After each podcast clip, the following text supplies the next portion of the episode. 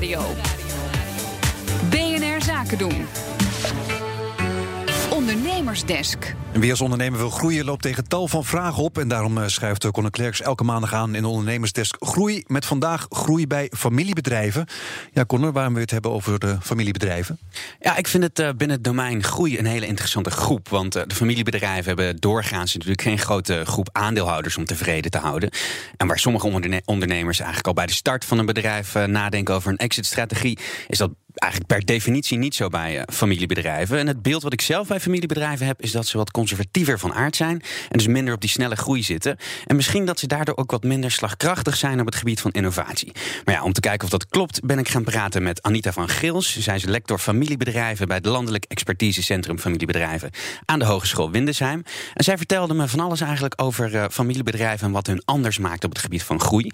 En om daarvoor te, daar, daarnaar te kijken, moet je eigenlijk eerst bepalen naar welk type groei je gaat kijken. Want werknemersaantallen, groei van omzet, dat zegt nog niet altijd iets over eh, de groei en winstgevendheid. En als je dan vraagt wat is het verschil bij familiebedrijven, nou ja, dat als is je familiebedrijven familie. met niet-familiale bedrijven vergelijkt, dan hebben die familiale bedrijven ook familiale doelstellingen. En een hele belangrijke daarvan is altijd uh, de controle over het bedrijf behouden op de lange termijn. Dus ze hebben een andere tijdsoriëntatie. En door die tijdsoriëntatie hebben ze eigenlijk heel veel geduldig kapitaal. Ze hebben helemaal niet zo die druk om te moeten groeien. Um, zoals in niet-familiebedrijven, waar het erg belangrijk is om, om aandeelhouderswaarde te gaan uh, creëren.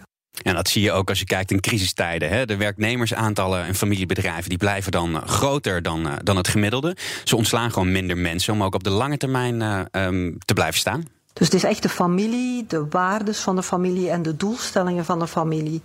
Uh, die maken dat een familie anders is op het gebied van groei. Ja, je had het ook over uh, innovatie. Uh, blijft dat achter bij familiebedrijven? Nou, die opvatting die ik in eerste instantie had, hè, dat familiebedrijven doorgaans uh, wat conservatiever zijn op het uh, vlak van innovatie, ja, dat klopt dus niet.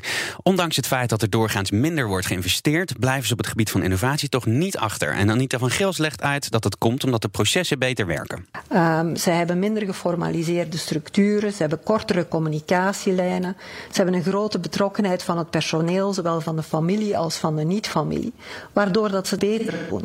En dat is misschien een beetje een contradictie, hè, want als je zegt, ze doen het qua innovatie beter, dan zou je ook verwachten dat ze het op vlak van groei veel beter gaan doen. Maar CBS-data toont duidelijk aan dat als je uh, gaat kijken waar familiebedrijven zich vooral situeren, dan in, in, in het aantal bedrijven of in het type van bedrijven dat er zijn, dan zien we toch vooral dat familiebedrijven veel in de groep van kleine en van microbedrijven zitten.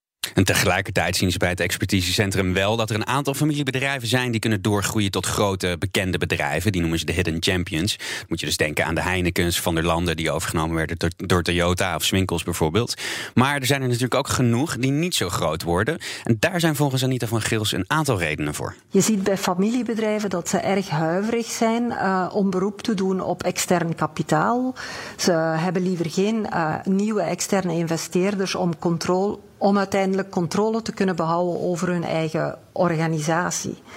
Daardoor moeten ze groeien enkel op basis van uh, interne resources, intern kapitaal. En dat beperkt natuurlijk heel erg hun, hun groeicapaciteit. Ja, daarnaast blijven familiebedrijven vaak ook uh, graag in control wat de strategische koers betreft van het uh, bedrijf. En worden er dus minder vaak externe mensen binnengehaald voor managementsposities. En dat zorgt er soms voor dat er een beetje een gebrek aan professionalisatie plaatsvindt. Want er komt natuurlijk geen externe kennis binnen. En dus heb je ook minder toegang tot externe netwerken. En dat zie je bij het management, maar ook bij de governance. de raden van advies en raden van bestuur. Daar wordt volgens mevrouw Van Geels te weinig mee gewerkt. Wat is de verwachting voor de toekomst van het familiebedrijf? Nou ja, we hebben geen glazen bol natuurlijk, maar uh, er zijn wel een aantal interessante factoren om in de gaten te houden. Een daarvan, families die krijgen in Nederland steeds minder kinderen en jongeren die studeren meer en langer. En er zijn ook steeds meer mogelijkheden om in het buitenland te gaan reizen en studeren. En volgens mevrouw Van Gels heeft dat wel een duidelijk effect, want die jongeren die hebben minder interesse in het overnemen van het familiebedrijf. Want die familiebedrijven zijn doorgaans nogal honkvast en liggen in kleine dorpen. Het gevolg daarvan is dat er steeds meer familiebedrijven te koop komen te staan. Maar dan zien we wel in een heel aantal sectoren dat het andere familiebedrijven zijn die die familiebedrijven gaan overnemen. Dus we zullen misschien minder kleine familiebedrijven krijgen, maar wel meer een, een concentratie en grotere familiebedrijven, doordat een aantal familiebedrijven niet verder kunnen.